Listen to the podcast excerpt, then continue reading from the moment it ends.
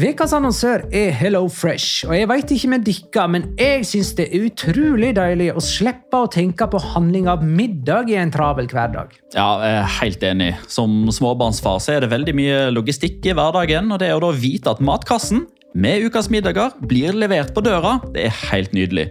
Da slipper du impulskjøp på butikken når blodsukkeret er lavt, og når du kommer hjem, kan du bare ta ut posen med dagens ingredienser fra kjøleskapet og sette i gang matlaginga. Ja, Du kan velge mellom 25 ulike retter hver uke. Og de har faktisk en egen kategori som heter Raskt og enkelt, med masse enkle og gode oppskrifter. Veldig greit å ikke måtte ty til takeaway hver gang det er hektisk på jobb. Jeg gleder meg spesielt til sterk chilikylling i min neste kasse. Jeg blir sulten bare av å tenke på det. Ja, Det er ikke feil med bacon og cheeseburger heller, da. Og det som også er bra, er at matkassen koster det samme hver uke, som gjør det enklere å holde matbudsjettet. Ja, og så blir det ikke matsvinn heller, fordi du får akkurat det du trenger til hver eneste rett. Hello Fresh kan absolutt anbefales, og bruker du koden vår, LIGALOCA, kan du få opptil 1779 kroner i rabatt på de fem første matkastene hvis du ikke har prøvd Hello Fresh tidligere.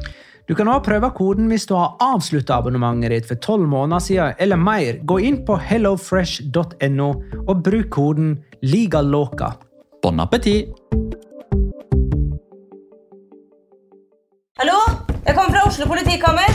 Ine Jansen er purk. Er du purk? The motherfucking bitch. Alt jeg vil, er å finne ut hva som skjedde med mannen min. Jon Carew. Er jeg sikta for noe? Iben Akeli. Det er du. Ole So, Lars Berrum og Big Daddy Karsten. Hvem sin side er du på, egentlig? Anette Hoff, Tone Danielsen, Kommer du fra Afrika?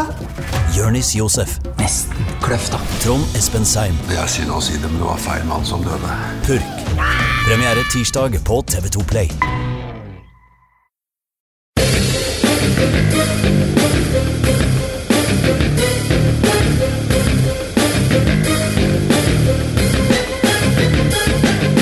Har du sett? Akkurat som vi spådde før sesongen. Messi skulle sanke målpoeng for Barca. Han franske spissen til Madrid skulle ta masse ansvar, backa opp av en målkåt waliser. Griezmann skulle bøtte inn for Atletico, og angriperne til Sevilla og Valencia skulle herje. Det tok bare et halvt år og 21 runder, så var alt på plass. La liga loca. En litt gærnere fotball. Ja, ja. Hei! Dette er La Liga Loca episode nummer 60 av det ordinære slaget med meg, Magnar Kvalvik. Hei. Og deg, Jonas Giæver. Hei. Come lightning, come thunder. Hei på deg. Og deg, Petter Wæland. Hei. Hei, så hyggelig at dere gadd å stikke innom her, da. Dere er jo så travle for tida. Mm. Synes misunnelig i det hele tatt. kom akkurat fra Valencia og er faktisk bare en halvtime forsinka, selv om begge fly var forsinka. Ja. Det er ganske Jeg er spektakulært. Sånn var det faktisk nede òg. Vi setter ganske effektivt uh, arbeidet av, uh, av oss. Sier dere at ting til og fra Spania er forsinket? Nei, nei, gi Ald dere. Aldri hørt om det. Til og med via Tyskland. Altså, Tyskerne var òg litt uforberedte på snø. Ja. Uh, Men eh, nei da, det gikk eh, fint. Så vi har hatt, eh, jeg og Jonas altså, ei eh, lang helg i eh, Valencia. Med besøk på Mesteia. Eh, Det, det vil si en sånn omvisning, altså. Eh, Fått det gått gjennom hele greia. Og Også selvsagt på kamp. Mm. Eh, Og så fått omvisning gjennom hele byen, eh, faktisk. Og treningsanlegget. Det har Der vi. f.eks. møtte Bass, eh, altså Daniel. Type Daniel. Ruben V, så møtte vi. Eh, og pressekontakten. Han var hyggelig. Så, ja da. Eh, vi har fått opplevd mye. Vi må snakke om det og litt mer. ja, men Så bra at dere kan Valencia inn og ute, før vi skal ned igjennom uh, Det, To måneder. det er det som er, vet du. 23. mars. Og da skal jeg få lov til å være med! Yay. Det blir bra, Petter. Hæ? Da er det altså Spania-Valencia. Spania-Norge i Valencia. Ja, det blir kjempe. Jeg koste meg hjemme i bua. Jeg har sett mye mer spansk fotball enn dere denne helga. Det har jeg fakt det faktisk, har faktisk, ikke, faktisk ikke misunnelig allikevel. Nei, jeg har vel sett to fulle kamper. Det ene var Valencia via Real, og den andre Real Madrid eh, Español, eller omvendt. da. Ja, jeg har vel uh, sett én omgang mer enn deg, og, jeg sovna i den omgangen mer enn jeg har sett enn deg, for jeg var så sliten. Uh, det var da andre omgangen av uh, Girona Barcelona. Men jeg har sett, Vi har jo sett høydepunkter sammen. da. Vi har jo hatt Dere så- veit hva som har skjedd. Vi har, sett, vi har vært koselige og sittet og bestilt room service og sett, uh, sett Ble det høyde- cæsarsalat? Det ble ikke det. Det ble burger, faktisk. Oi, oi, oi. På Magna ble det sandwich mix, da. Mixed? Oi, Ja, ja. den er kjent. Ja, ja, ja. Alle topp fire-lag vant denne runden. Og har ikke vi kommet fram til det nå at det er bare andre sesongen? Ja, andre gangen denne sesongen? Ja, det skjedde i serierunde 16. At og- de som var topp fire før runden starta, vant sine kamper og dermed uendra i toppen. Helt riktig. Og da, ja, som vi òg snakka om, da kunne Alaves bli eh, det femte topplaget. Altså de lå på femteplass, eh, men da klarte ikke de å slå Alaves. Og vi har jo det samme scenarioet igjen nå, fordi Alaves er nummer fem. Eh, men de har ikke spilt ennå, når vi sitter her i studio. Nei, Tra tradisjonen tro der, altså. Ja. Men sant, eh, Alaves er på vei ned, Rayo er på vei opp. Eh, så jeg tror, ikke, jeg tror ikke jeg vil gå for at eh, en sånn der spådom at eh, nå har topp fem vunnet sine kamper denne runden her. For øvrig, både Celta Vigo og Villarreal tapte denne runden og er trygt plassert i nedrykksstriden. Burde begge lag sparka treneren sin for andre gang denne sesongen. Eh, og ellers Jeg tror vi bare begynner, jeg. ja, det var ikke et spørsmål? Nei. Nei.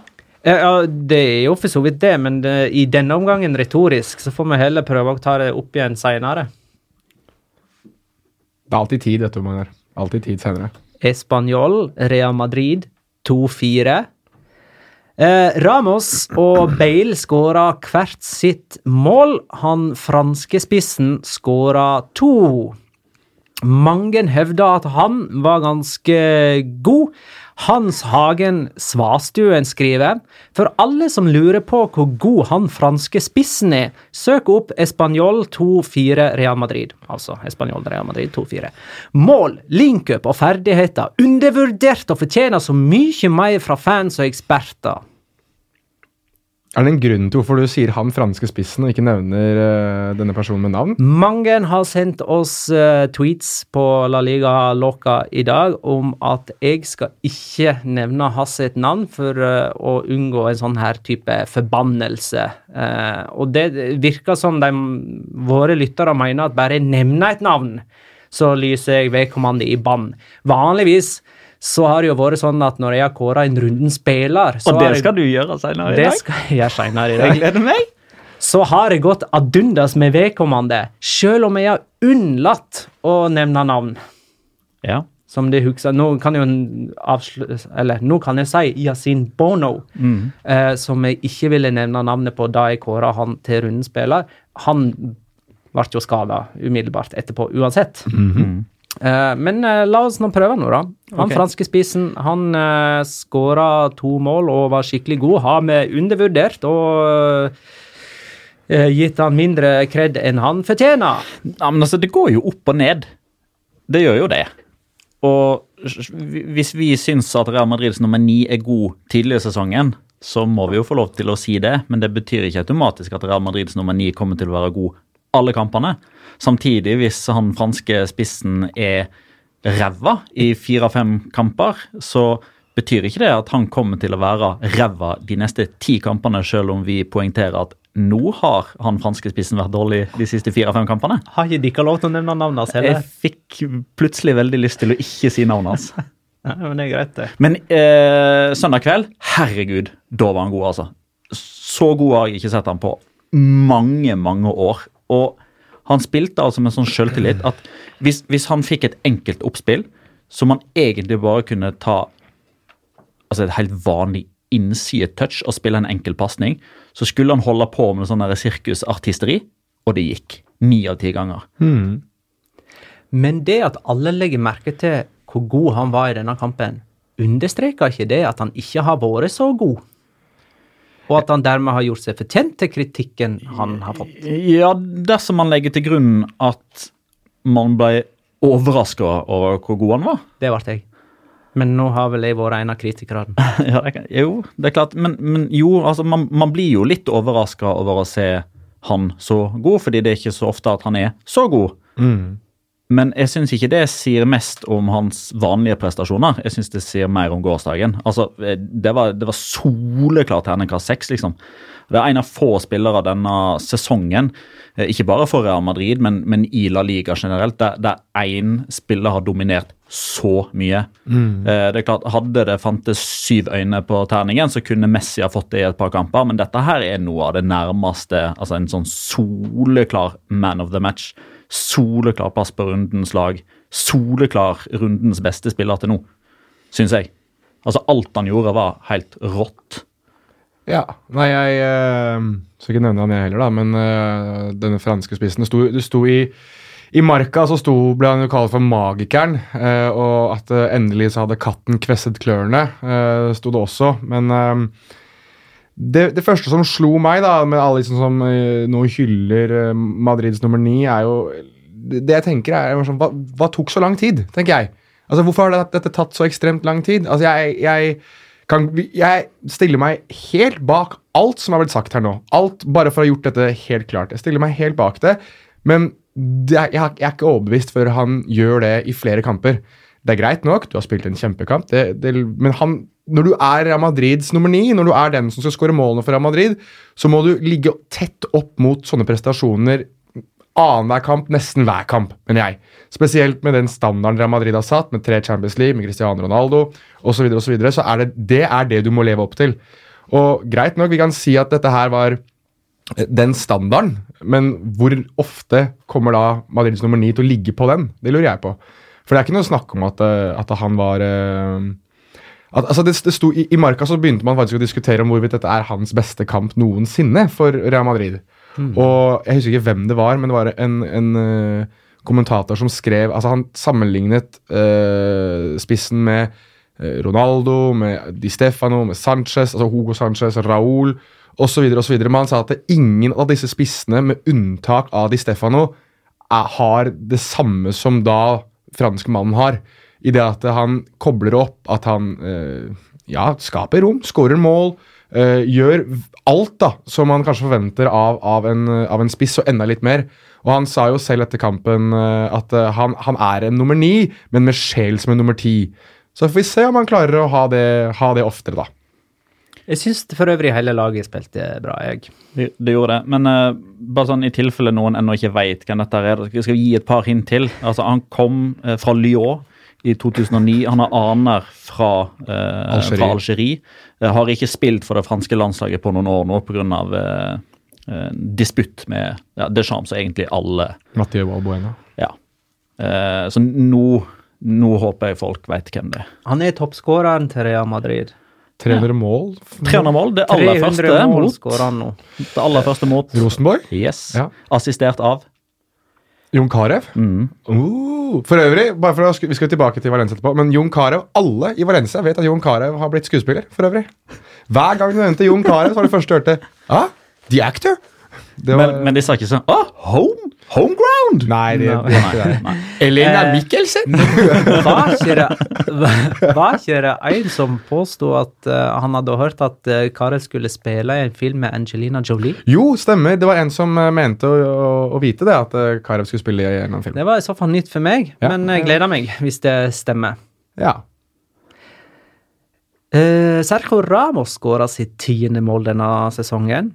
Det er bare han franske spissen og Gareth Bale som har skåra flere. Um, for Real Madrid, vel å merke. I tillegg så skal han jo fire mål for Spania nå i høst. Ja, ja, ja. Og uh, husker dere Jesper Tørstad som skrev før sesongen at man burde legge inn en slant på Ramos' skåring hver eneste Real Madrid-kamp? Ja. Dette tok vi opp i studio. Var det noen av oss som fulgte dette rådet? Nei. Du Sak. Du sa vel et eller annet om at du skulle gjøre det? Nei, ikke det.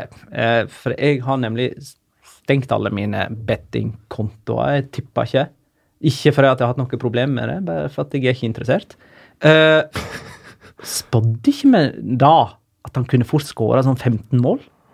Totalt, altså? Hvis han tok alle straffer, var, ja, var vel eh, det var jo greia, da. Det ja. var jo en av grunnene til at Jesper Tørstad også sendte den meldingen. Mm. Jo, for all del, men hvor mange av de er Det er jo Er det fire eller fem som er straff... Altså, det, er det er vel ganske greit fordelt i åpent spill og straffer. han, han har flere straffeskåringer enn i, i åpent spill. Men det er ikke så mange flere? Jeg tror, altså For Real Madrid så er det sju av målene straffe. Ok. Derav fire av Panenka. Men det er liksom sånn han skal, han skal sette straffesparken òg. Og det er liksom ikke bare det at han lukker øynene og blåser den midt i mål mens keeper slenger seg til venstre. Det er, det er gode straffespark. Mm. Ja, sånn, det de to siste nå da har jo vært med, med hodet. Vanskelig å skåre straffe med hodet, for øvrig. Har det blitt prøvd før? Det, må, det finner vi ut i neste episode. Sergio Ramos, oppgaven er din. Shayan Jalilian. Litt lenge siden jeg tok opp et uh, Shayan Jalilian-spørsmål, eller? Ja Nå er comeback, kan man kalle det. Men vi må være snille med han. Iran tapte i Asiacup i dag. Å nei. Jeg tror han er litt lei seg. Gjorde du det? Ja, tapte 3-0 mot Japan. Er de i Var det semifinale? Mm. Hvem uh, Unnskyld, men vi er jo ikke oppdatert. Da må jeg sånn Skikkelig digresjon her nå. spørre, fordi jeg har veldig lyst til å vite det. Ja. Er det kommet noe resultat på Qatar mot Emiratene? Har, har de spilt ennå? Beklager. Skal Petter få sjekke opp det mens jeg siterer. Shayan okay. Jalilian Ja. på følgende tanker om Marcelo. Jeg ser ikke hvordan han skal få en plass på laget igjen, med tanke på hvor solid Regilon har vært. Starten på slutten av en fantastisk Real Madrid-karriere. Kan jeg bare da få sitere opp da på at ehm, Real Madrid har vunnet 72,7% av kampene med Regilon. Eh, sam, eh, og bare 56% av kampene uten han. Okay. Det sier ikke noe for så vidt om Marcelo, for det er ikke nødvendigvis han som har spilt de kampene Regilon ikke har spilt, men eh, det er en ganske betydelig prosentforskjell. Eh, for Regilon har vært god, og det jeg merka meg denne helga, var at eh, Marcelo kom inn og sto for en av eh, de klareste opphevningene av en offside, som medførte baklengsmål for øvrig. Som var, ganske festlig, for han var også den eneste vel som sto med hånda oppe og skulle ha den avvinka for offside. En fantastisk skåring av eh, Rosales.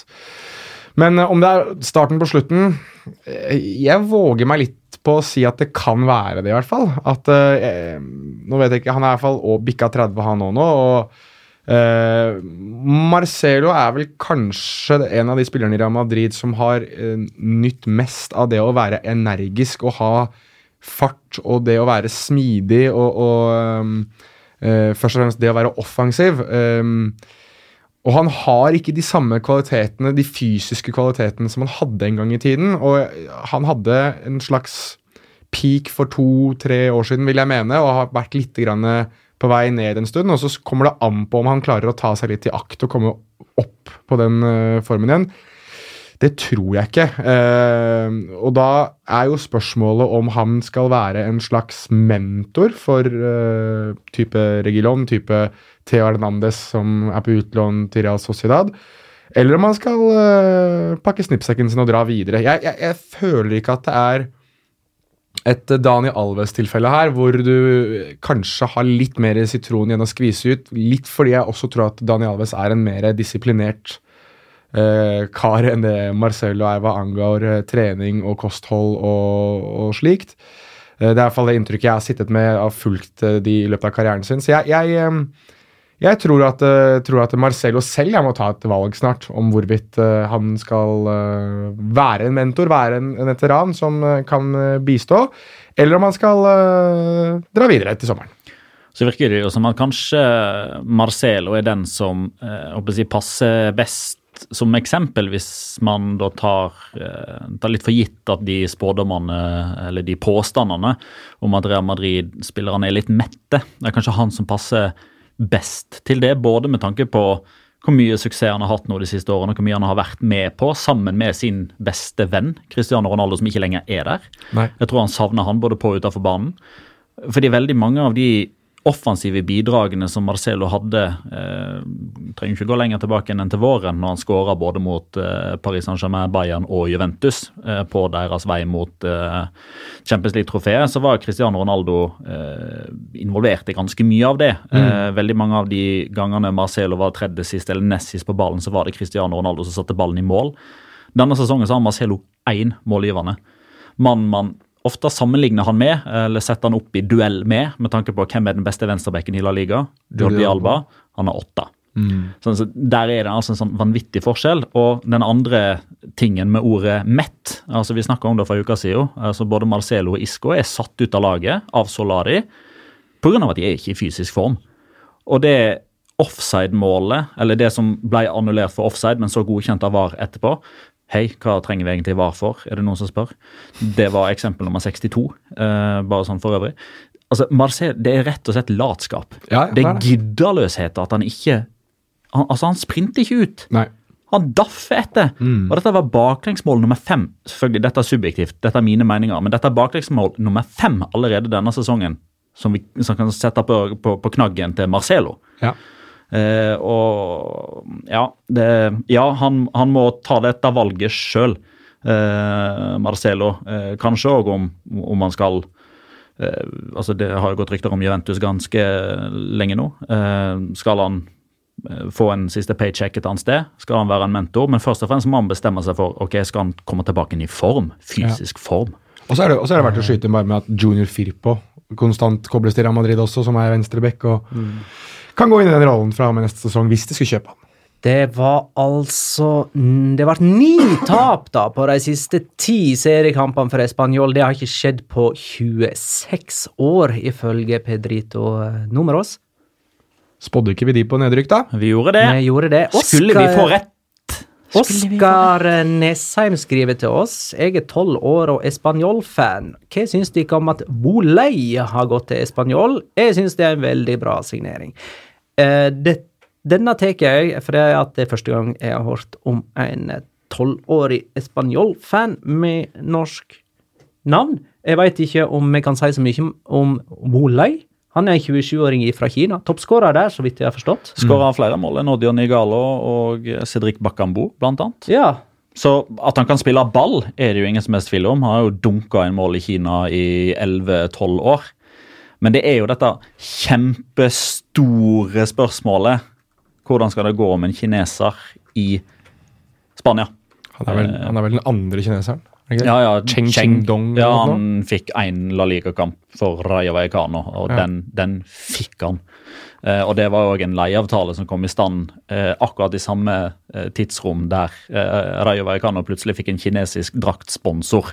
Så da var det ikke nødvendigvis sportslige ting som lå til grunn. Det er det jo her, men det er òg et eh, utenomsportslig eh, faktum her, og det er jo at Chen Yingseng er eier av Espanol. Han er fra Kina. Rasta Group er eiere av Espanol. Eh, Chen Yingseng er president og eier av da henholdsvis klubb og eh, selskap. Eh, det er jo åpenbar, en åpenbar link her, og Espanol har eh, vel hatt flere tweets i dag eh, om at det er mulig å kjøpe drakt av eh, denne kinesiske spilleren enn de har promotert drakter gjennom hele deres Twitter-historie noensinne. Men det der kan jo òg bety eh, god kjennskap til det man faktisk kjøper, da. Ja, ja, ja. Men jeg ser reklameaspektet i det. Vi går videre. Girona, Barcelona 0-2. Tom, tommel opp for øvrig til en som er tolv år og velger å bli Espanol-supporter. Ja, Kjempebra. Det må jeg si er Han har ikke valgt det, det har bare blitt sånn, helt sikkert. Følte Kal- Kalle. Kalt for deg på et eller annet vis. Følte Kalle, Det er kjempefint. Kalle. Girona Barcelona 0-2. Nelson Semedo skåra sitt første mål for Barcelona. Det samme gjorde Lionel Messi. På Montilivi. Denne kampen ble spilt i Miami, den, ikke Montilivi. Girona Beach, var ikke det som var eh, i marka? Så hadde vel Leo to sider. Girona Beach. Barcelona med åtte seire på rad i La Liga for første gang under Ernesto Valverde. Ja. De har jo hatt et ganske fint opplegg nå, eh, Barcelona, men nå skal det bli tøffere. Mm. De har Sevilla i Copa del Rey eh, i midtveka. Den er beinhard nå, for de tapte altså 2-0 i første kamp. Ja. Så da må de begynne å ta dette alvorlig. I tillegg Eller altså Nå må de begynne å ta det alvorlig, ja, ja men du ja. skjønner hva jeg mener. Det var jo eh, skikkelig rotasjon eh, i den første kampen. Eh, det kan godt hende det blir det nå òg, for alt jeg veit. Eh, men innsatsen må jo være der. Det var jo for så vidt sist. De prøvde jo. Eh, møtte et godt eh, Sevilla-lag. Eh, også I tillegg til det så har jeg jo Valencia i La Liga til helga. Og nå ser jo ikke Valencia så aller verst ut lenger. Eller hva sier vi? Ja, la oss ta Barcelona, da. Egentlig grei skuring, dette her. Du sovna under andre omgangen, forsto jeg, Jonas? Jeg var så sliten jeg, at jeg, jeg prøvde å holde øya oppe, men da, jeg, da de plutselig åpnet igjen, så var kampen over. Nei, Første omgang så syns jeg ikke det er grei skuring. Eh, men når de får to, når Bernardo blir utvist for sitt andre gullet, derfra ut, så er det greit. Stemmer det. Jeg så i jeg tror det var El Mondo Deportivo de kåra Marc-André Terstegen Ja. til kampens beste. Det gjorde de. Stuani hadde et par store. Han burde ha skåret. Eh, definitivt. Alish Garcia hadde en eh, ok mulighet òg. Pere Pons hadde vel også Pere. Pons hadde en. Så Girona var, de var fullt på høyde med Barcelona på skuddstatistikk og sjansestatistikk i, i den første omgangen. Men det er klart at når, eh, når Bernardo Espinosa da velger å, eh, å trø til på den måten der mot en feilvendt Suárez, så kan de egentlig bare skylde seg sjøl. Girona taper jo denne kampen her først og fremst fordi Barcelona er bedre, men òg fordi de ja, Bernardo, som normalt sett er en veldig veldig solid midtstopper, han gjør to store feil som koster Girona kampen. totalt. Eller i hvert fall de, de, de mister muligheten til å ta poeng mot Barcelona med at han ikke klarer å klarere den første når vi er med og skårer mål. Altså Det er jo en selvmålgivende pasning fra Ja. Bernardo Espinosa. Og utvisninger. Men du har sett uh, kampen uh, i sin helhet, og sikkert sett dette her om igjen og om igjen. I, I spansk media spansk presse så er jo, jo Girona-spillerne og, og Girona-trenere Sebo Sakristan er jo i forbannelse over at uh, disse to gule kortene er uh, veldig soft. da. Uh, jeg kan ikke si jeg har sett dem noe mer enn én gang, så jeg, jeg vet ikke Var det så soft? Altså den, den første så steller han seg i veien for Messi. Ja. Og det står i, i kamprapporten at han får gult kort rett og slett for å stelle seg i veien. Så det, det liksom det, Noen gir det, andre gir det ikke. Ja. Og, og den andre føler jeg at der er det litt sånn enten-eller. Enten så er det ingenting, eller så er det frispark og gult pga. måten han går inn på. Så, så der og da så må dommer ta valget. ok, Her er det enten kun skuespill, ikke noe kontakt, kun Suárez som legger seg ned. Det er det jo enkelte som kanskje kan tro, basert på historikken til Luis Suárez. Men det er, en, det er en kakk på ankelen. og sånn, Når du går til på den måten der altså det er ehm, altså, jeg har lest uh, senest i Var det i dag eller i går? Uh, for kort tid siden, da, at eh, på, på diverse dommermøter rundt om, så har de hatt altså i Uefa-regi, så har de hatt fokus på et par områder nå de, de siste åra, halvannet. Det er når skal taklinger som ikke nødvendigvis er stygge, men, men når skal det være gult kort? Det er bl.a. for å hindre en overgang, altså for, eller for å stoppe et angrep Ja, ja. som, som er som, som kan gi en målsjanse. Eh, og der er det sånn at Hvis Suárez kommer fri eller legger en pet touch, så kan den bang rett inn i bakrommet, så er Barcelona rett gjennom. Akkurat sånn som skjedde når de skåra 2-0. For da er det jo Juanpe som er i hælene på Suárez, men da rekker Suárez først å slå gjennom. Alba, Messi 2-0, og Juanpe får gult kort når, når spillet er stoppa. Det, det er like situasjoner. der, så Det er iallfall konsekvent. Så jeg syns at ja, man kan sikkert være eh, konspiratorisk og misfornøyd hvis man er Real Madrid-supporter, bla, bla, bla, men det er to situasjoner der det er mulig å gi gult kort, og det gjorde dommer. Messi har elleve mål og fem målgivende på de siste ti seriekampene. Han har enten skåra eller assistert, eller gjort begge deler i disse ti kampene. Gary Lineker tvitra at han må være den beste pasningsspilleren han har sett. I tillegg til alle disse meningsløse skåringstallene. Eh, 328 seire har, La Liga, nei, har Messi nå i La Liga. Vet du hvem som har flest gjennom historien? Ikke Casillas. Ja, dette sa jeg til deg på flyet. Det gjorde du. Og hvor mange har han? 333? Nei, 34? ja. Er det Chavi som har 333, da? eller? Det kan godt hende. Raoul Så var overgått nå. det er Ja, han har passert Raúl. Ja. Stemmer. Uh, Messi gjorde det, altså, med Ja. denne seieren. Og altså så ligger Messi seks seire bak Iker Casillas for å bli mest vinnende i La Liga i antall kamper, altså seire i kamper. Da blir han det i månedsskiftet mars-april. Ikke sant? Det, og hvor stor blir rekorden til slutt? altså, i, du har denne skåringsrekorden hans, som bare flyter og lever sitt eget liv, og slutter på sånn 870 en gang. Eh, og så har du disse seirene som kommer til å runde 500. Ja, det er jo helt vilt. Det er liksom ikke bare det at han, han tar en La Liga-rekord, og så har han en liksom med bitte litt margin, og så kommer det snart noen og tar den forbi. Altså, han, han smadrer alt av rekorder, og det Ja. går liksom ikke an å forestille seg at det blir tatt. Men det sa de sikkert om Telmo Sarra eh, i sin tid òg. Det tok ganske mange år, da. Han fikk jo eh, Tok 70 år. Jeg gjorde det, Ja, ikke sant. Og han fikk jo en pris oppkalla etter seg. ja. Det har Messi òg fått allerede. Ja, men det burde han jo. Hva er Messi- det? Hva er det Messi-prisen for noe? Messi, det, Denne Javier Tebas, eh, La Liga-presidenten, bestemte skal gå til den beste spilleren i La Liga når Messi har lagt opp.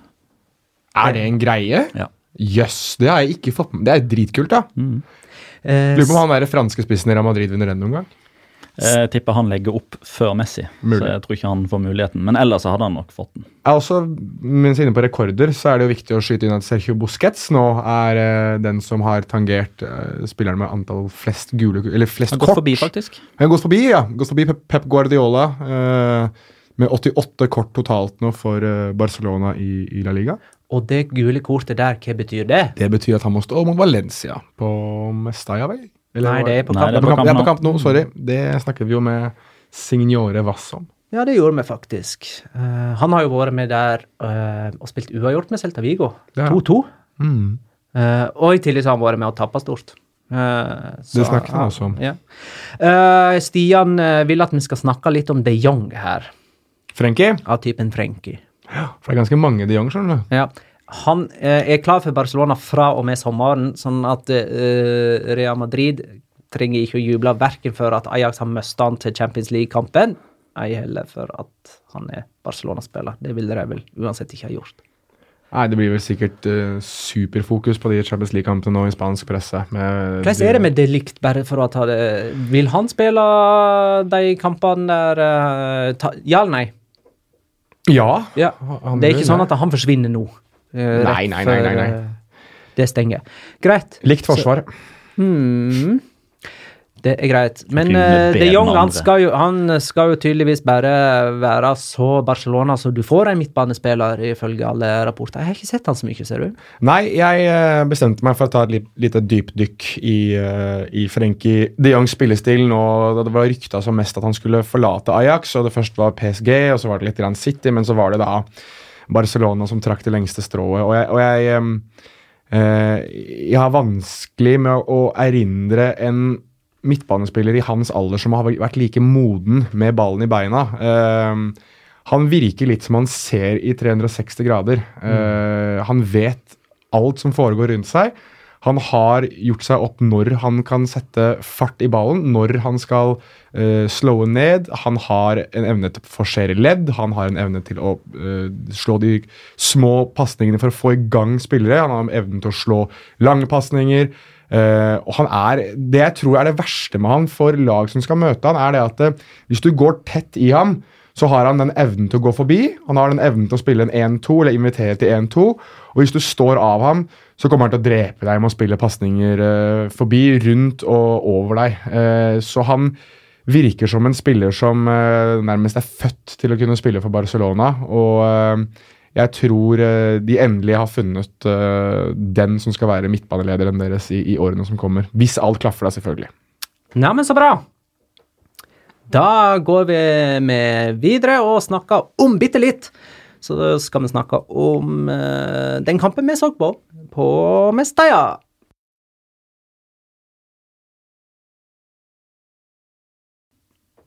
Valencia Villarreal 3-0. Diakaby skåra 1-0-målet etter litt om og men med videodommer. Cherishev eh, økte til 2-0 og viste med all mulig tydelighet at han var skikkelig lei seg. Eh, Og Rodrigo Moreno økte til 3-0 helt på tampen. Kanskje har det faktisk løsna for eh, Rodrigo, som skåra i sin andre kamp på rad. Men Etter å ha apropos, bomma på straffekampen før der igjen. ja, men apropos av det du sa i begynnelsen her nå, jeg trenger feedback fra dere. Diakaby han setter jo ballen i mål etter eh, to og et eller annet. Skåringa blir godkjent etter fire og et eller annet. Vil dere i historisk sammenheng si at dette målet da kom i det tredje eller femte spilleminutt? Eh, Femte. jeg mener da ballen gikk i mål. Men da ble det jo annullert, og så ved hjelp av videoteknologi så ble det da omgjort og godkjent to minutter etterpå. Jeg sier femte minutt, jeg, fordi eh, det er da målet er godkjent. Det er da målet står. Det det jeg òg har falt ned på, tror jeg. Ja, og av reaksjonen på, på stadion og at ballen da legges tilbake på eh, krittmerket og for da å spilles i gang igjen, så ville jeg sagt at, eh, at spillet ble satt i gang igjen da eh, rett etter scoring. Og da er det jo veldig rart om spillet settes i gang igjen i det sjette minutt og ballen har gått i mål i det tredje minutt, med mindre det har vært en skade. Og det har det jo ikke vært her. Så jeg går for det femte minutt. Jeg lurer på det.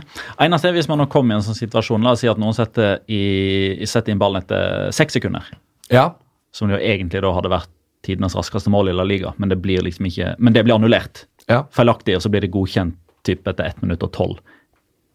Vil det da være tidenes raskeste La Liga-skåring? Noen ganger må man gi og ta, vet du. Det er litt sånn det blir. Det Men det er jo sånn at uh, Joseba Llorente-målet for Valladolid back in the days, 2008 eller noe Det var egentlig ikke godkjent før dommer ble i fløyta, så det var ikke etter hva, sju sekunder. Det var etter åtte sekunder for han ble i fløyta litt seinere, etter at ballen hadde gått i mål. OK. ehm, skul, jeg vet at du er òg interessert i, Petter, at uh, vi var til stede på en, under en VAR-situasjon. Uh, for vi tre var jo i Madrid Når var dette? November. Altså, I november var det.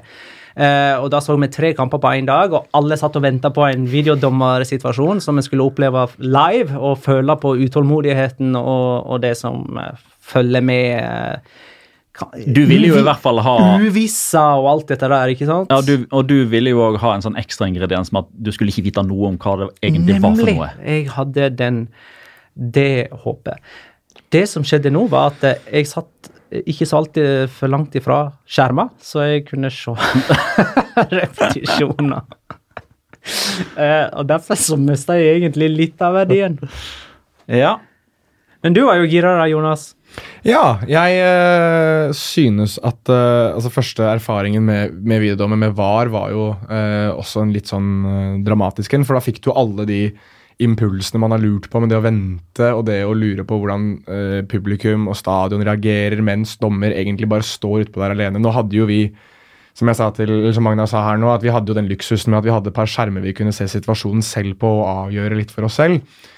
Eh, men det jeg la veldig merke til, var jo det at det, bygger seg opp en helt latterlig stemning. da. Altså Folk piper og uler og murring og Det er nesten du bare venter, det er sånn bobling som du bare venter på at det skal enten bruse ut i skuffelse eller jubel. Og når da dommer peker på midtbanen og sier at dette er scoring, så bare Altså, det, gikk jo skikkelig jubelbrøl gjennom hele Mestalla, som jeg syntes var enda mer ekstremt enn det første jubelbrølet. Eh, så det er jo sånn det er mer gøy, da. Det er mer moro, det er mer jubel, det er mer eh, entusiasme når man faktisk får avgjørelsen.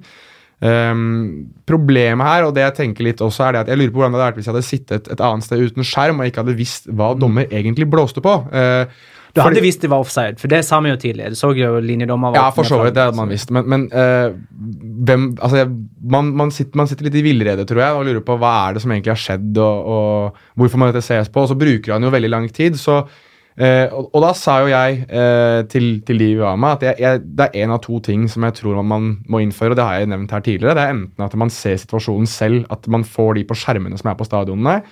Og da svarte jo da de jeg snakket med, at eh, det kommer bare til å skape enda mer polemikk og, og kontroverser, og folk kommer til å klage og grine og sutre uansett.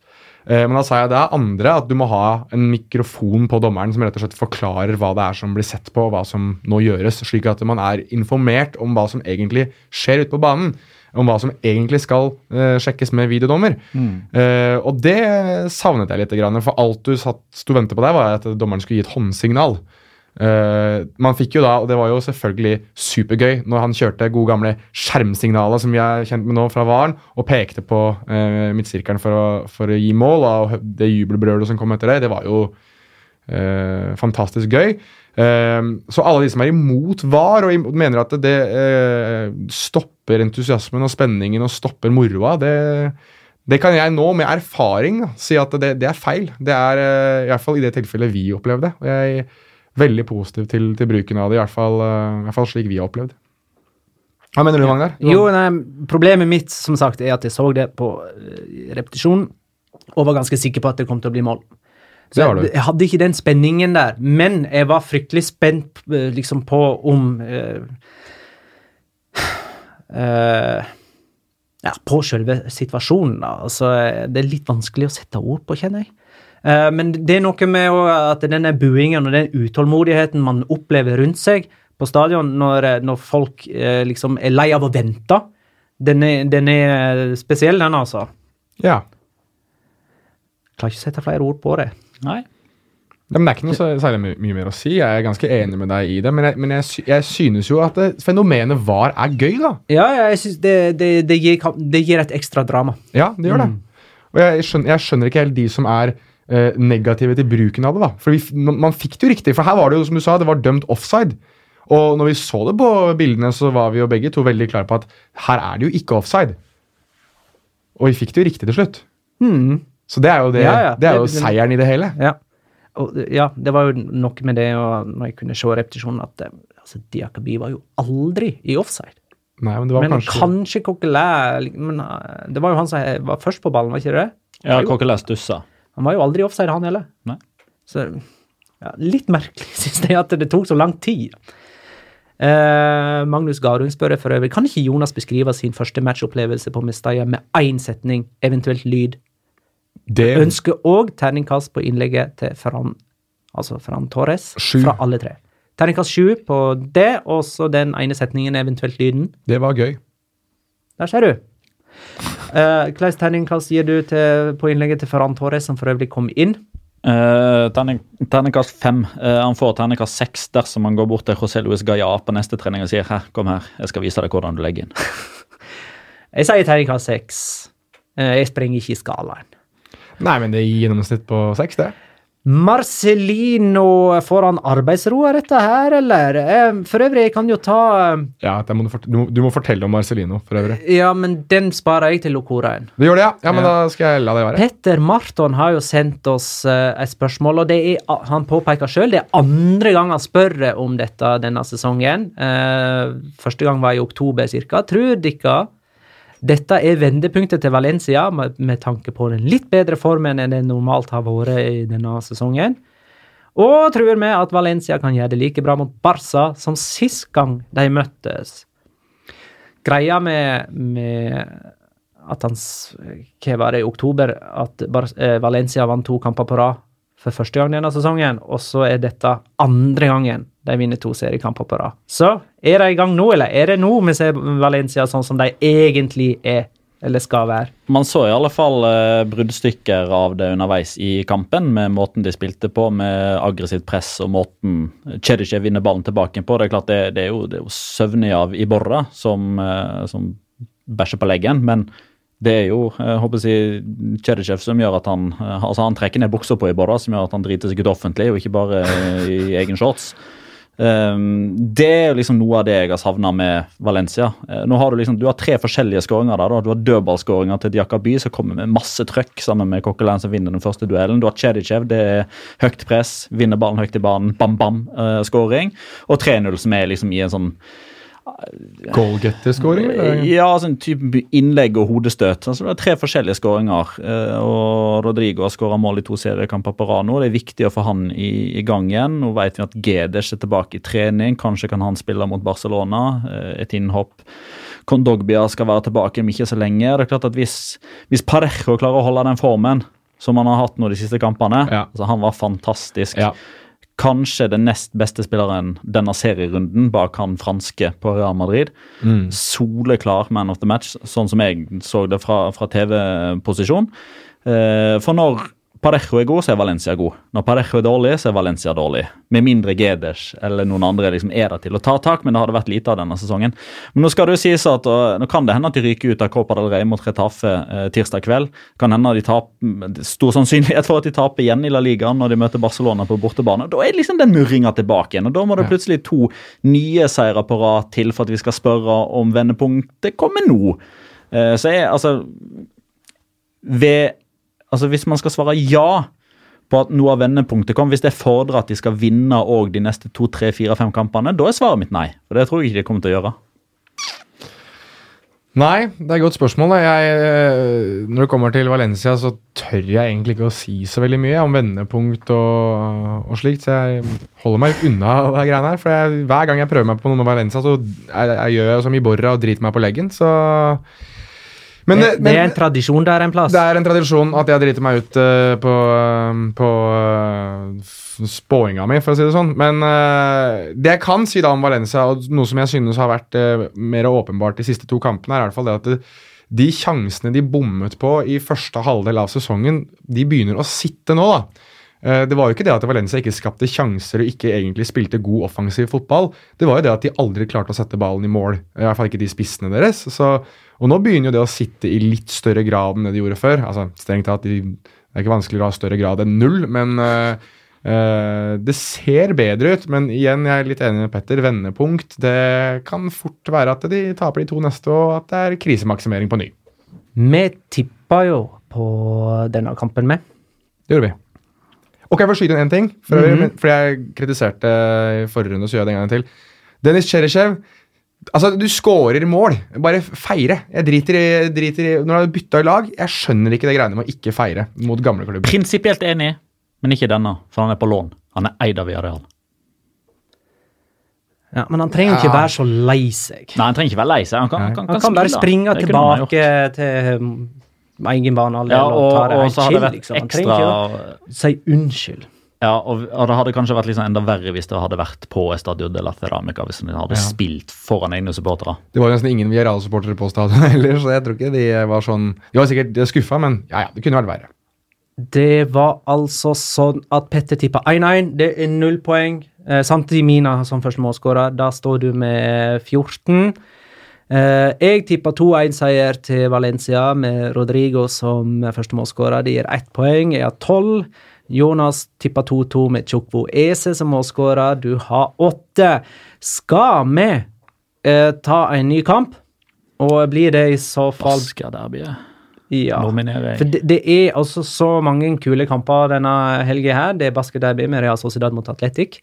Det er Real Betis mot Atletico, og det er Barcelona mot uh, Valencia. Så det er flere kandidater. Men det blir altså Basker-derby. Eh, hvis ikke glemme Real Madrid mot Alaves, da. Tre mot fem. Mm -hmm. Ja, men Alaves er fallende. Jeg tror de har tapt mot uh, Rayo Vallecano når denne podkasten er ute. Er du er enig, Jonas, med Real Sociedad Atletic? Ja, syns det er naturlig. Så bra. Da får Petter Vella eller snakke først. 1-2 Williams. Mm. Det er Real Sociedad hjemme mot Atletic borte. 1-2 Williams. Jeg sier ah, Pokker, jeg har ikke fått tenkt.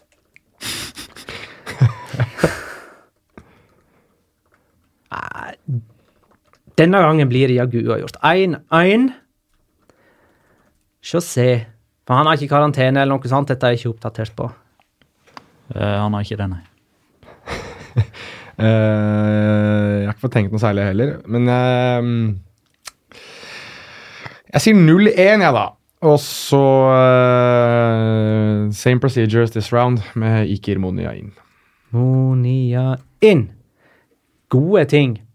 Da har jeg lyst til å ta et spørsmål ifra Jan André Hagen, som jo egentlig heter Mraz. Ja, hva skjedde der? jeg vet ikke.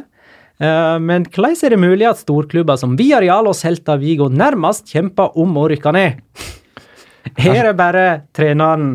Eh, vi har for øvrig også fått eh, et spørsmål fra mm, Anders Ektvedt. Er Tom Nordli den eneste som kan redde Viareal fra nedrykk? De har nå 18 poeng. 0-4-2 i La Liga under Luis Garcia. Eh, han er den eneste treneren uten seier i sine første seks seriekamper for Villarreal, sammen med Ernesto Valverde fra 09-10-sesongen.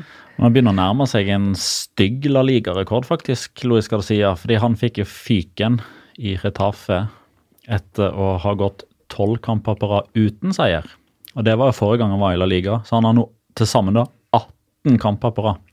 Hvem er det som har verst rekord? Er det han eller Paco Gjestaran? Paco Gjestad han har ikke vært trener så mange kamper, tror jeg. Nei, mulig. Han har fått fyken for tidlig. Ja, riktig. Og de ligger, så vi areal på nedrykksplass starta uten Bakka, Chukwueze og Gerard Moreno. Alle tre satt på benken og kom inn i løpet av kampen. Altså Har du råd til å ligge under streken og starte med de der på benken? Nei.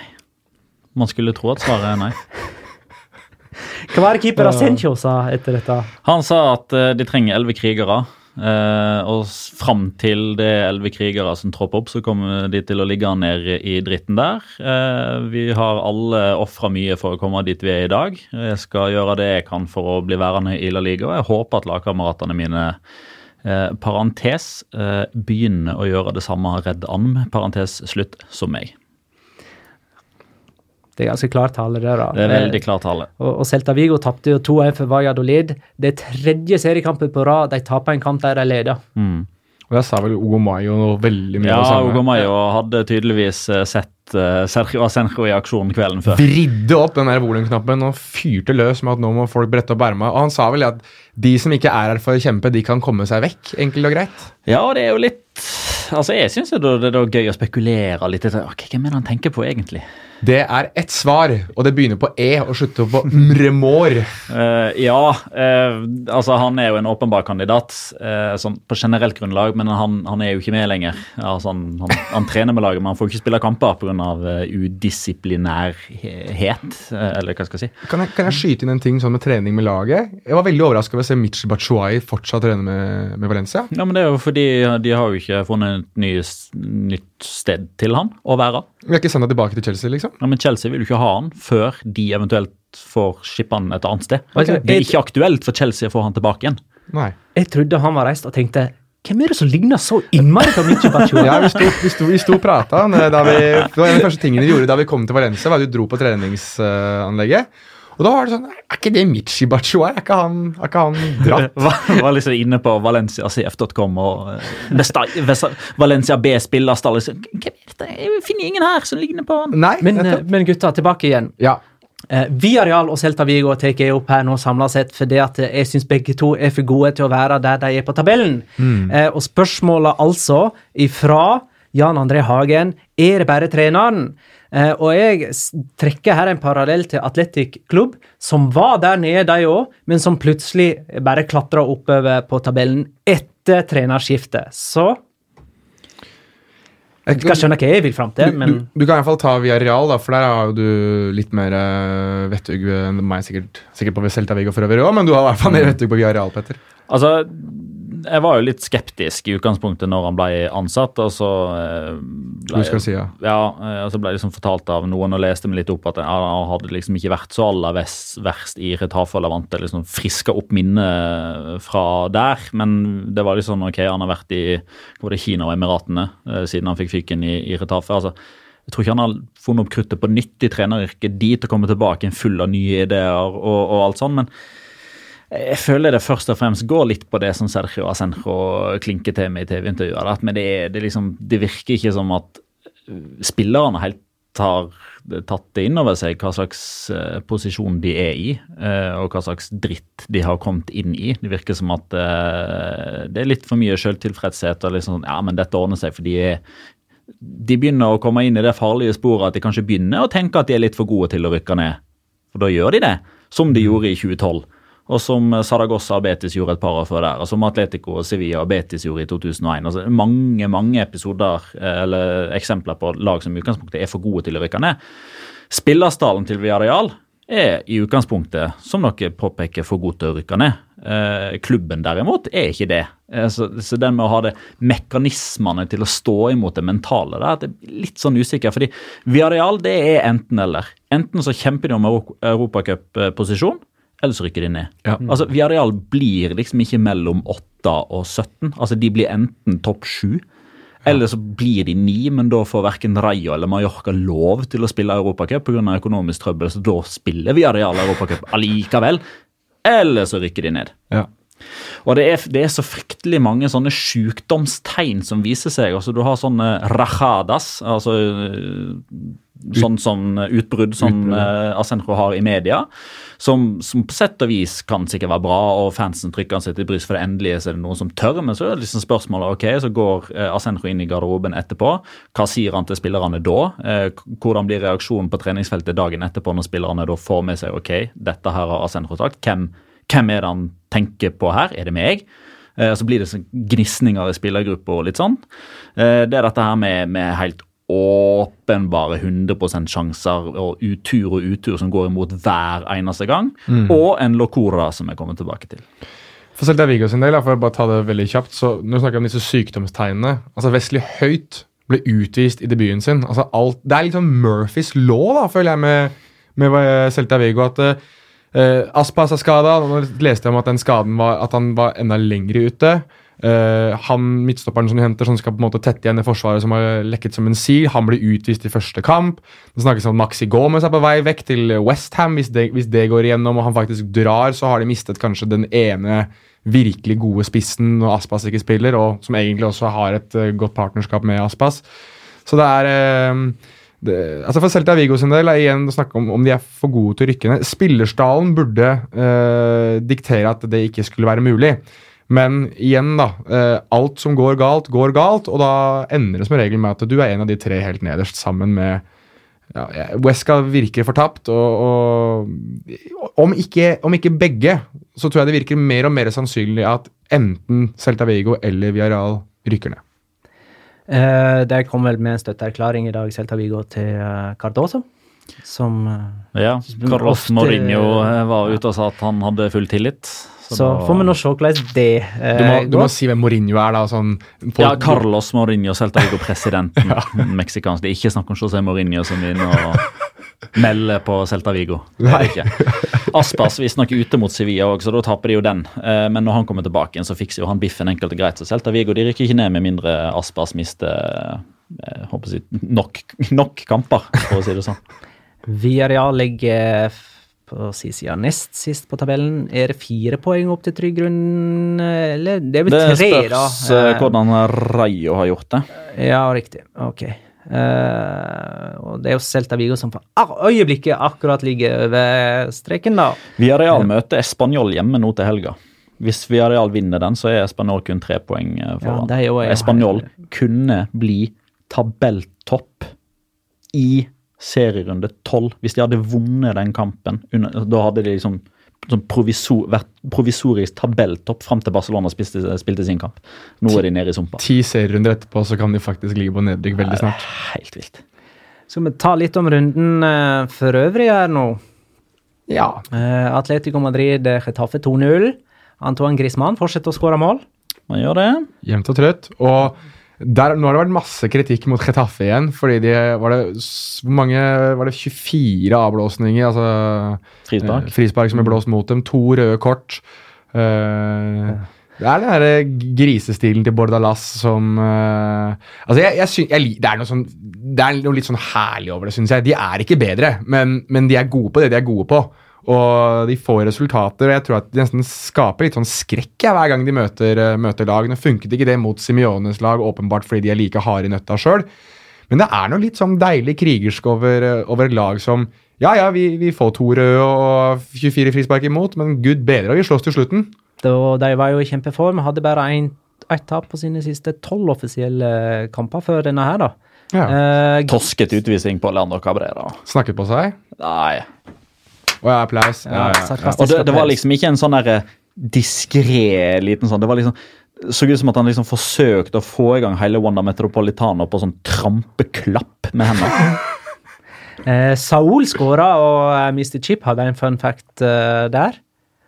Eh, skal vi se om jeg finner det. Jo, Saul uh, har den, aldri tapt når han har skåra for Atletico Madrid. Atletico Madrid sitt B-lag, Rayo Vallecano, Spania, Spania U17 og Spania U21. Har han skåret og tapt uh... Aldri. Nei. Eller er det, er det et lag Kanskje der? på andre aldersbestemte, altså sånn juvenil uh, oh, ja, sånn, ja. for Ja, ja, ja, Atletico. ja. Det kan godt hende, men uh... Men det blir ikke regna som profesjonell fotball. Nei. Ehm, det som òg er litt interessant, er at Griezmann har 126 mål i offisielle kamper for Atletico, og er dermed bare tre bak Fernando Torres.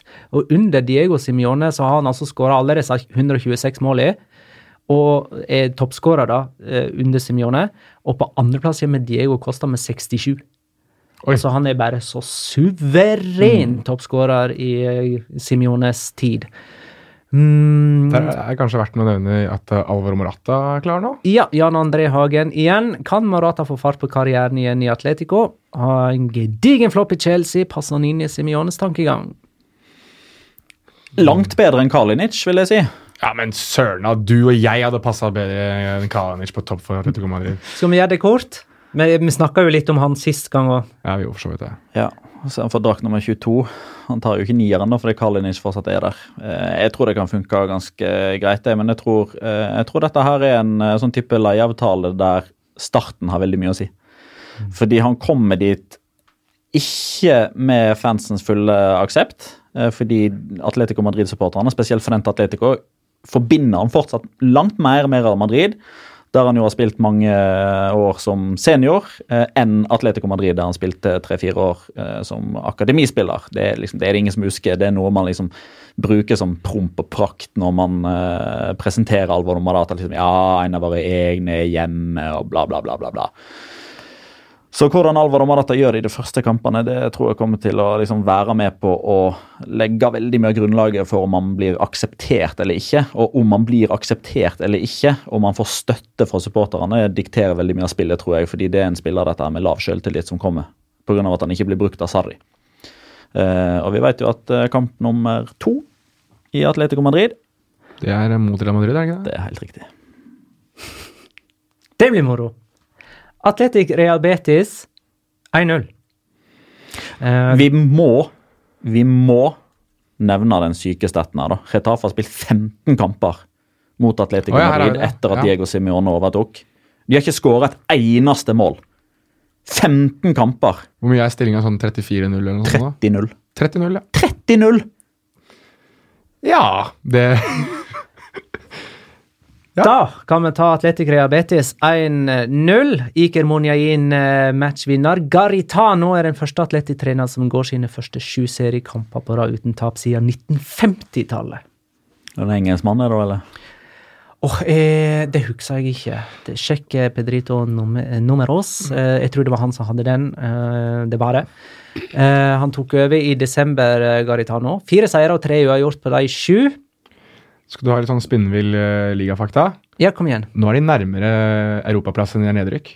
Ja, og de lå på nedrykksplass da han tok over. Ja, De stemmer. klatra helt vilt. Ja, de er eh, Det var vel eh, som ei kule eller noe sånt nå, tror jeg det var, hvis jeg skal oversette det til godt norsk, det som sto i spansk presse i dag. At eh, nå er alle sammen fornøyd. Og det var vel eh, Miquel San José som sa det, at de var veldig fornøyde og glade for det grunnlaget Britzo hadde lagt, men nå var alt så mye bedre.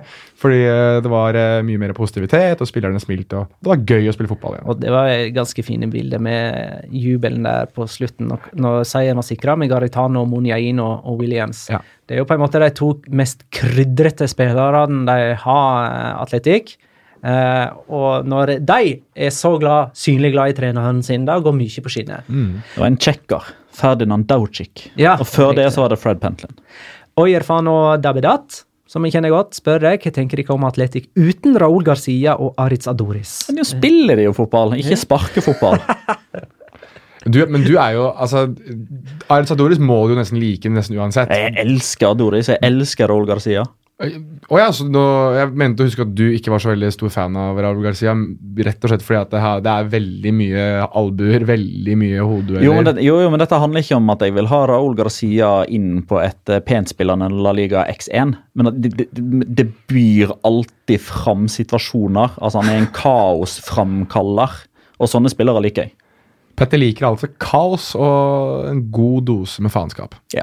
Er Jesse Rodriguez klar for Real Betis? Ikke offisielt. Nei, fra PSG i så fall. Har han gått ned sju kilo, var det det? Ja, de skrev så. Han er akkurat den spissen de trenger, sant, Jonas? Skal du få meg til å starte på hele Nei, du trenger ikke gjøre det langt og lenge. Men du- men men- eh, han er ikke den spisstypen de trenger, mener du, fordi at eh, de trenger mer av pondus der framme, Ja, de, trenger en, de trenger en som står inni i boksen. Ja, det kommer, jo- det kommer jo til masse innlegg, Ja, men er altså- har jo ingen til å de, er jo, de er jo kjempegode til det. Nå skal jeg ta det veldig fort. De er jo veldig gode til å spille seg fram i banen, men det er jo ingen til å skåre mål med. Det er jo helt uh, grusomt å se på. Men hvis du skal, uh, hvis du skal snakke om noe positivt veldig fort med Betis Diego Laines. Vi så ikke Ja. hele denne kampen. eh, Vi, vi, måtte, vi løp Nei, vi så rundt. andre omgang. Ja, det gjorde vi. Mm. Og 18-åringen fra, fra Mexico han er virkelig spennende, synes jeg. Uredd, tør å, å avansere med ball, går i dueller, er eh, ordentlig energirik og morsom å se på. Nå var det et litt sånt B-preget Betis-lag fordi de skal spille cup, men eh, han er uh, en jeg definitivt kommer til å legge bak øret og følge nærmere. altså. Din beste venn Inigo Martinez uh, lot seg hisse opp av han og uh, feira slash provoserte veldig overfor eh, Diego Leines rett før han ble bytta ut.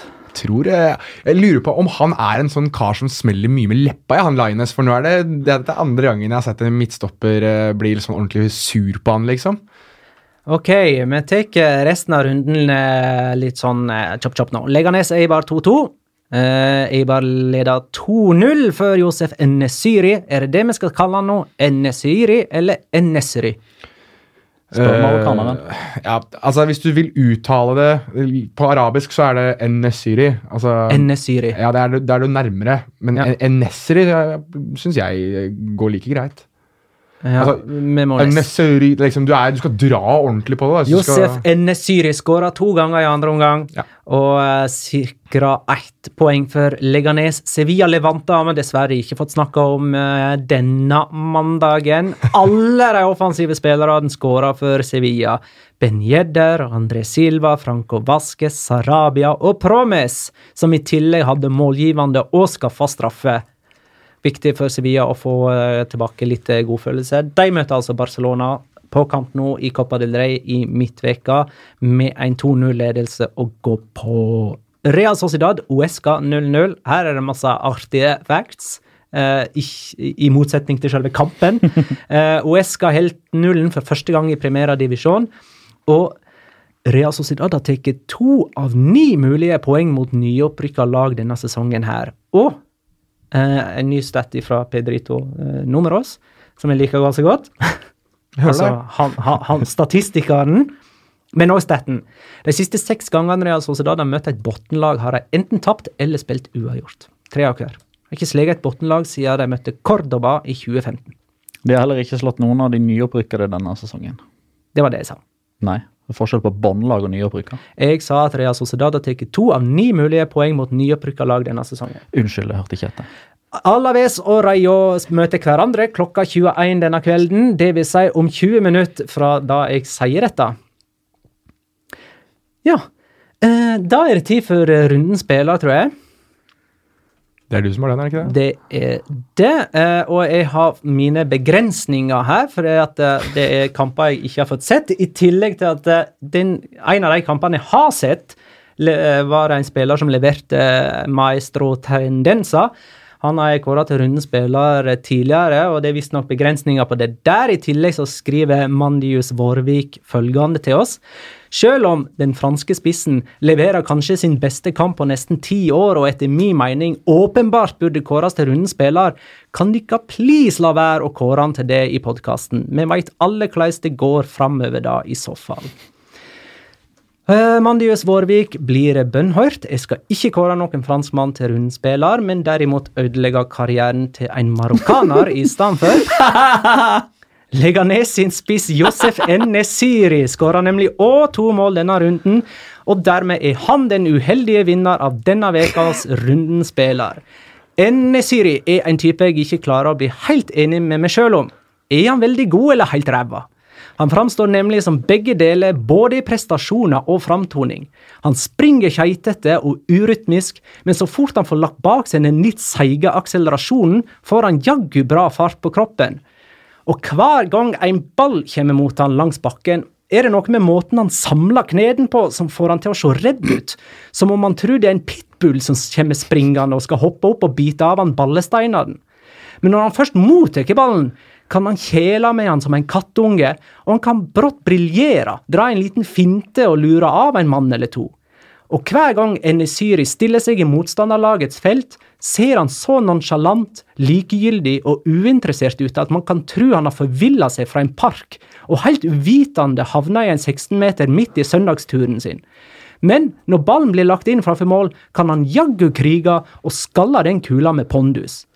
Kanskje er det så enkelt at han er god mot baskiske lag og dårlig mot resten. Han har i alle fall skåra sju av sine ni La Liga-mål mot lag fra Baskeland, og i helga skåra han to i én og samme kamp for første gang i La Liga, mot Eibar. Pedro Bigas var den som fikk erfare at Enisiri er god med ball i føttene da han ble rundlurt i forkant av det første målet. Senere var keeper Dimitrovic sjanseløs på det som sannsynligvis er sesongens hardeste heading i La Liga. Nå har Enesyri like mange mål denne sesongen for Liganes som hele forrige sesong for Malaga. Og Da snakker vi for øvrig bare fire mål, så igjen, jeg veit ikke om han er særlig god. Men han så god ut i helga. Han er sikkert ræva neste helg, det er sikkert min feil, men egentlig ikke. Kanskje han ikke skal være god igjen før om tre runder, for da er baskiske Real Sociedad motstander. Ingen forbannelse kan eventuelt erklæres for den kampen. Gratulerer og lykke til. Josef N. Nesiri. Vet du hva jeg gjorde i løpet av uh, denne hyllesten? Du sjekka statistikken på mine jinxer. For du fører jo statistikk på de spillerne ja. jeg har kåra til rundens spillere. Ja, men den, den, jobben var allerede gjort, så jeg gjorde ikke det nå. Eh, jeg var inne og satte penger på at Leganes rykker ned nå til 3,75. For nå har du både Carillo og Enesyri. Det har jeg faktisk. Så 3,75 på at Leganes rykker ned. Ikke. Han har ikke skåra, han er fortsatt ute med skade. Jeg kan, eh, da vil jeg gjerne få sagt én ting. Altså, den siste uka så har Josef Hathaway eh, i NRK vært eh, litt i mediebildet. og eh, Han er jo den mannen som i sin tid truet med at det marokkanske samfunnet skulle komme etter meg hvis jeg fortsatt snakket dritt om Nordin Amrabat.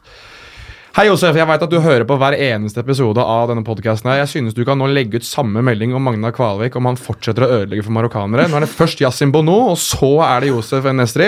Hvis du skal ta meg, så kan du faen meg se å ta Magna Kvalvik også. Takk for meg.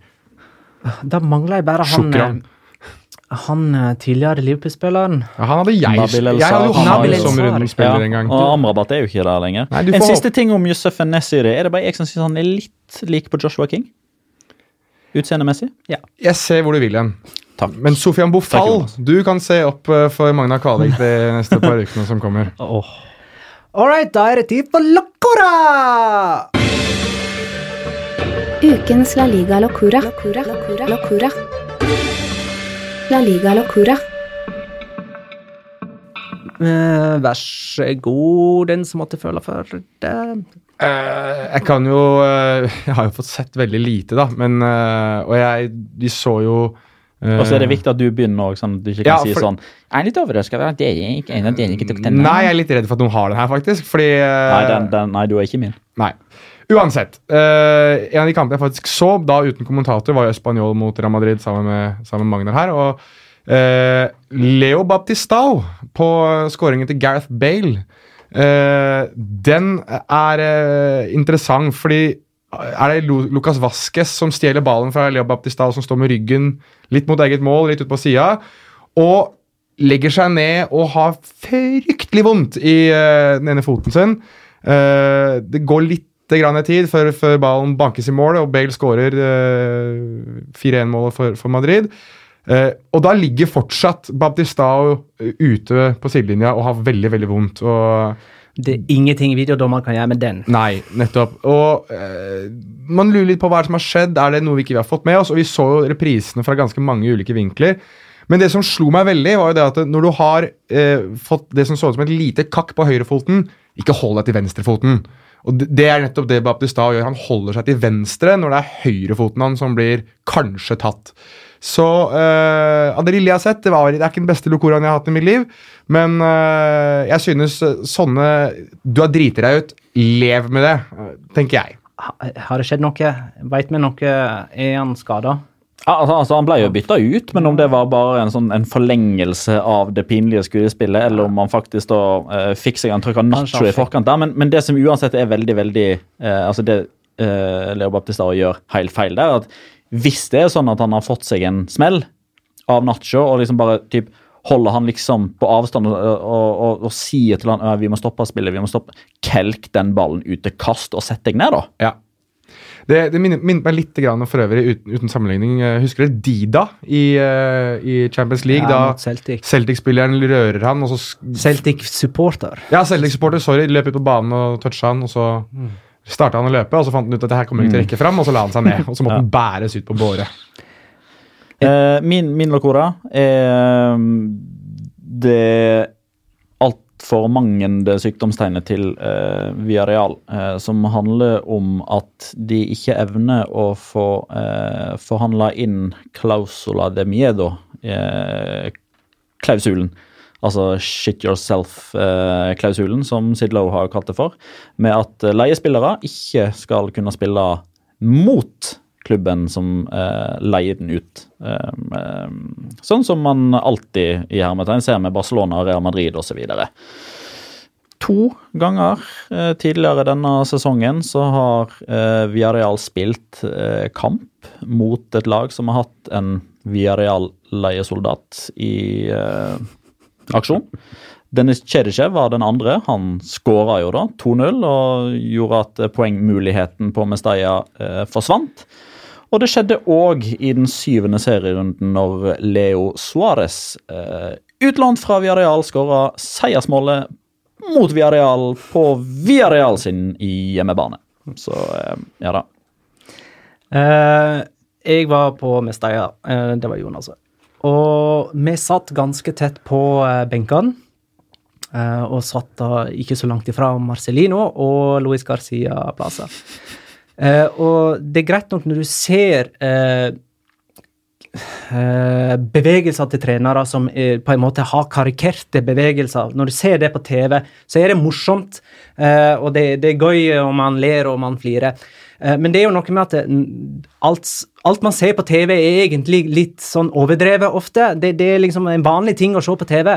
Det er noe helt annet å sitte bare noen meter ifra en mann på 50-60 år som oppfører seg sånn som Marcelino og Luis Garcia Plaza gjør.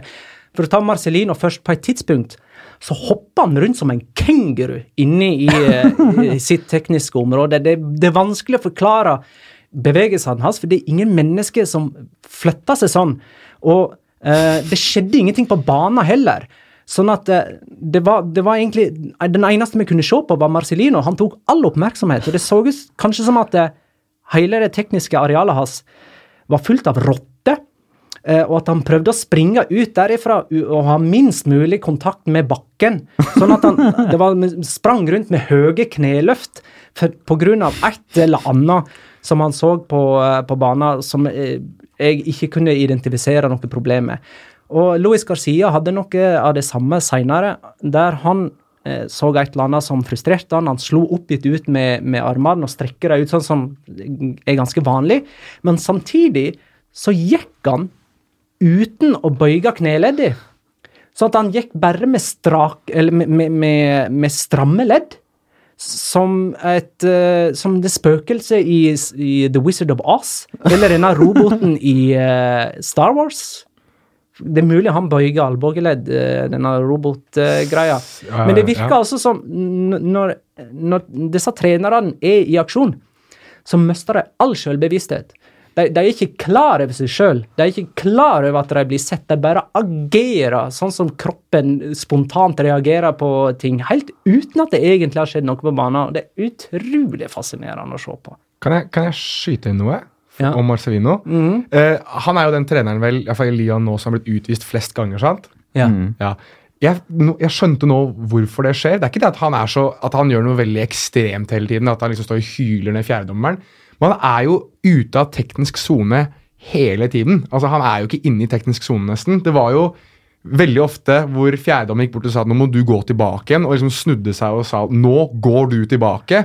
Og jeg tror at hvis dette her pågår så mye, da, og sikkert enda mer enn andre kamper der det går litt dårligere, så er det ikke noe rart at han blir sendt opp på tribunen. Fordi det var jo det var fall én gang når du er inne på dette med litt rare bevegelser, hvor han står så å si nesten foran fjerdedommer utenfor teknisk sone og får beskjed om at nå er det nok, nå steller du deg tilbake. Og da løper Marcelino tilbake igjen Og så kjører han en sånn piruett, hopper i piruett, og så står han og folder hendene sine og beklager seg. Det gjør han så ofte. Det står, å, ja, unnskyld meg, unnskyld meg. Han satte seg ned på huk, folda hendene og trygla Ja. om tilgivelse for ikke å bli vist ut, tydeligvis. Ja, Um, all right. Du, Jonas, har jo møtt eh, Daniel Wass. Det gjorde jeg i så vidt jeg òg, men du gjorde intervjuet med han for oss, La Liga-lokka. Det gjorde jeg. Det, det ble ikke det lengste intervjuet jeg har gjort, men eh, det var veldig moro. Det er fint. Kort, kort og presist. Kort, kort, godt og presist. Veldig hyggelig. Han er en eh, veldig veltalende danske som snakker eh, i, i det vide og brede om det å være dansk fotballspiller i La Liga, og det representerer hele Skandinavia. Vi kan runde av med det med å si vi eh, før intervjuet eh, takk for alle spørsmål, innspill eh, og eh, bidrag, kjære lytter. Takk for at du lytta, kjære lytter. Her er Daniel Wass. Ha det, da. Først og fremst, hvordan er det å, å spille for Valencia? Ja, men det er jo en, det er jo en kæmpe klubb. Um, fantastisk å være her. Jeg elsker, elsker å være her. Jeg elsker å komme i klubben. Altså, noen fantastiske mennesker, man kan bare merke at, at det er en kæmpe, kæmpe klubb på alle parametre. Um, så så det, det er et fantastisk sted å være og spille fodbold. Du kommer fra, fra Celta, som eh, kanskje ikke er like stor som, som Valencia. Føler du litt på det å ha gått fra en litt mindre klubb til det å spille for en klubb som har spilt i Champions League-finaler, vunnet Uefa Cup, ligatitler? Er det, er det stor prestisje for deg å være i denne klubben her? Ja, det er det. Øhm, spesielt hvis man tenker på, hvor jeg kom fra, øhm, så er det selvfølgelig, selvfølgelig et fantastisk sted å være. Altså, hvis man tenker på for, for snart 10 år siden var jeg i Fredrikstad, hvor jeg ikke spillede noget som helst fodbold, og så er den her, den her klub øh, i dag er det et fantastisk step, øh, jeg har taget, og det er jeg selvfølgelig også stolt af. Øhm, så, men det har betydet meget at, være i Celta. Også i og med, at det er en lidt mindre klub, men, men på de tre år, jeg var der, der har vi jo nået en, en hel masse. Altså, vi var i semifinalen i Europa League, rigtig tæt på at komme i finalen. Vi har været i to cup-semifinaler på, på tre år, så, så det har givet en masse erfaring, og, og så, så det har jeg taget med her, her til denne her klub, øh, hvor jeg prøver å hjelpe så godt jeg kan. Du er jo det er skandinaver og, og fra Danmark, og det, vi er jo nordmenn fra Norge. Eh, vi er Tradisjonelt sett så er det jo engelsk fotball som kanskje har vært størst i, i landene våre. Eh, hva synes du om det om at kanskje spansk fotball nå begynner å bli mer populært i, i Skandinavia også? Ja, men det er jo rigtigt. Engelsk fotball har, og, og tysk, som så også, har også altid vært, vært de store ligaer i, i Skandinavien, men, men hvis man kigger på, så er Spanien nok den bedste liga i verden, så, så jeg er da glad for, at der kommer mere og mere fodbold hernede øh, i, de, i de danske og skandinaviske fjernsyn. Øh, det betyder meget. Er det derfor, helt til slutt, er det derfor veldig viktig for, eh, for deg som dansk å være en representativ for Skandinavia i, i den spanske liga? Ja, for der er jo, der har, altså hvis man kikker på, på noen år tilbage, var det ikke særlig mange skandinaver hernede. Øh, men øh, der kommer flere og flere, mm. og spesielt danskere. Øhm, og plus øh, har også boet med, eller været værelseskammerat med John Guidetti, svenskeren, så, så der kommer flere og flere skandinavier hernede. Øh, og, og det betyder jo meget for de nordlige lande, at, at, at man også for, for andre børn, der har, der har store drømme, også tænker, okay, man kan så også godt komme til Spanien, det hedder altså ikke kun England og Tyskland. Mm. Mange bare nordmænd nu, eller? Ja, vi mangler nogle nordmænd hernede. Det er skal du Ja, det, det er det.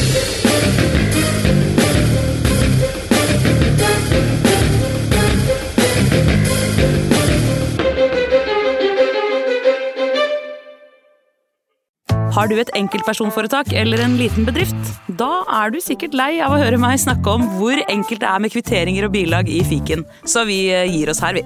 Fordi vi liker enkelt. Fiken superenkelt regnskap.